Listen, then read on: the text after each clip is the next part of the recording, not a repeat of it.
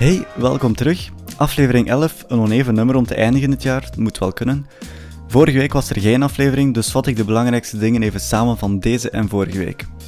Maar deze week is er nieuws uit De Morgen, VRT Nieuws en HLN over een nieuw rookverbod, onze regering die jammer genoeg niet meer is, en het woord van het jaar.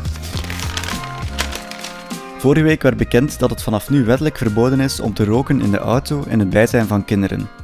Het Vlaams parlement heeft daarover gestemd en wie nu dus rookt in het bijzijn van kinderen tot 16 jaar riskeert een boete van 1000 euro.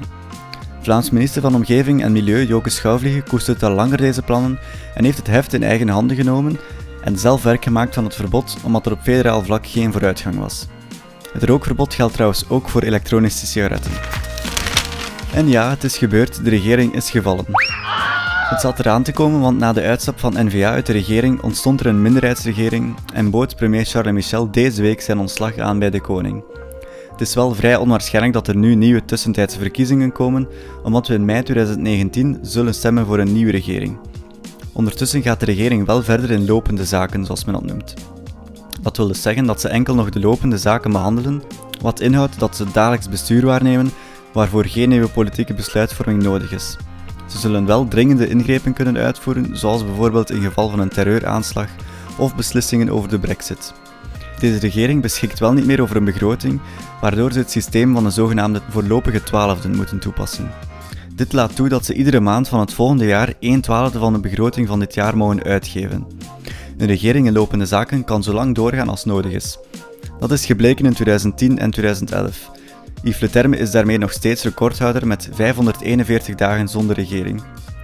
Nu blijft de voorlopige regering Michel in lopende zaken tot de nieuwe verkiezingen van mei volgend jaar en erna tot de aanstelling van een nieuwe regering. Het woord van het jaar is bekend en de winnaar is. Moordstrookje. Van Dalen maakte dat deze week bekend. Het woord slaat op een fietspad of fietssuggestiestrook die net naast de rijbaan is gelegen, waardoor het extra gevaarlijk is voor fietsers. 10.000 Vlamingen stemden op het woord van het jaar dat ieder jaar wordt verkozen door Van Dalen. De top 3 wordt vervolgd door Mango Moment als tweede en Groeipakket als derde. Het jongere woord van het jaar wordt ook gelijktijdig verkozen en de winnaar daar is boeien geworden. In Nederland wordt ook het woord van het jaar verkozen en daar verkoos men het woord blokkeervries. Dat is een woord dat werd bedacht om de personen te beschrijven die in de Nederlandse provincie Friesland een wegblokkade hadden opgezet om anderen te verhinderen om te demonstreren tegen een aspect van de Sinterklaas-traditie. En dat is een hele boterham. Ik ben blij dat wij kozen voor het simpele moordstrookje. De eerste tunnel van Elon Musk's The Boring Company is een feit. De tunnels moeten een revolutie brengen in het stadsverkeer. Auto's worden door middel van sleden op straatniveau naar beneden getild en worden daarna aan een hoge snelheid onder de grond vervoerd. Je moet de beelden maar eens bekijken op internet, het doet me een beetje denken aan een ondergrondse achtbaan of een heel snelle metro. Elon Musk heeft deze week een proefversie van 2 km feestelijk geopend en testritten uitgevoerd. De auto's rijden aan een topsnelheid van maar liefst 240 km per uur door een tunnel. Je moet het natuurlijk wel durven, zo ondergronds aan een hoge snelheid in je auto worden getransporteerd. Dan moet je maar eens denken aan hoe het bij ons zit. Mensen die de ferry tussen Calais en Dover verkiezen boven de kanaaltunnel met de trein, omdat ze het eng vinden om in een tunnel onder water te reizen. Ik zou het wel nog tof vinden om eens zo'n testrit in een tunnel te maken. Maar ja, ik hou wel van hoge snelheden, zoals achtbanen of hoge snelheidstreinen, dus dat is misschien persoonlijk. De slimste mens is opnieuw bekend, na de finale van deze week. Dit jaar is het M&M-DJ Peter van de Veire geworden. Tien jaar geleden hield hij het nog amper twee afleveringen vol. Deze keer mocht hij zich kronen tot slimste mens ter wereld. Aan het einde hield hij nog 31 seconden voorsprong over op VTM-nieuwsjournaliste Julie Kolpaert, waardoor hij als eerste is geëindigd. Hij overtrof met andere woorden ook Studio Brussel DJ Michel Cuvelier, die derde werd, en dus Julie Kolpaert, die op de tweede plaats eindigde. Vorig jaar werd VRT-journalist Xavier Taverne de slimste mens. En als laatste, Queen Elizabeth gaat op vakantie. Dat lijkt misschien niet echt nieuwswaardig, maar ze kiest er deze keer wel voor om dat met de trein te doen.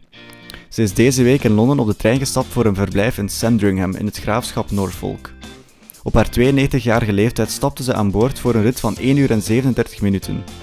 Sinds 1862 al is Sandringham in het bezit van de Britse koninklijke familie, nadat koningin Victoria het op verzoek van haar zoon prins Edward kocht. Van daaruit wordt dus ook kerstmis gevierd dit jaar. Zo, dat was het voor deze week. En zo ook voor dit jaar eigenlijk. Indien je tijd over zou hebben tijdens een vakantie of in een weekend, kan je altijd alle andere afleveringen herbeluisteren. Of gewoon beluisteren als je dat nog niet zou gedaan hebben. Misschien dat ik ergens in de komende weken nog een extra aflevering maak met een special. Maar meer ga ik nog niet verklappen.